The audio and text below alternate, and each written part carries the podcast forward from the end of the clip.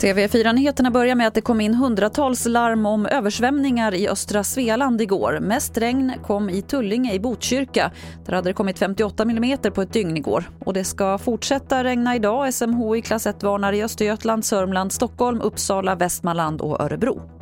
Det är många fiskar som får rött ljus i årets fiskguide från Världsnaturfonden som presenteras idag. Till exempel tonfisk och amerikansk hummer. Och flera av våra svenska fiskar ligger också risigt till. När det gäller de svenska fiskarna blir till exempel strömmingarna i Östersjön allt spinkigare. De får gult ljus i guiden. För vår vanligaste matfisk laxen finns det bra miljömärkta alternativ. Men de vildfångade laxarna i Östersjön ska man helst låta bli.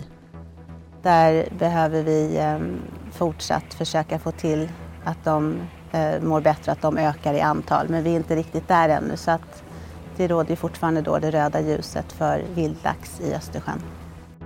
Sist här Inger Melander som är fiskeexpert på WWF och reporter var Anneli Megner Arn. Hälften av treorna i gymnasiet är beredda att bryta mot restriktionerna för att festa på studenten.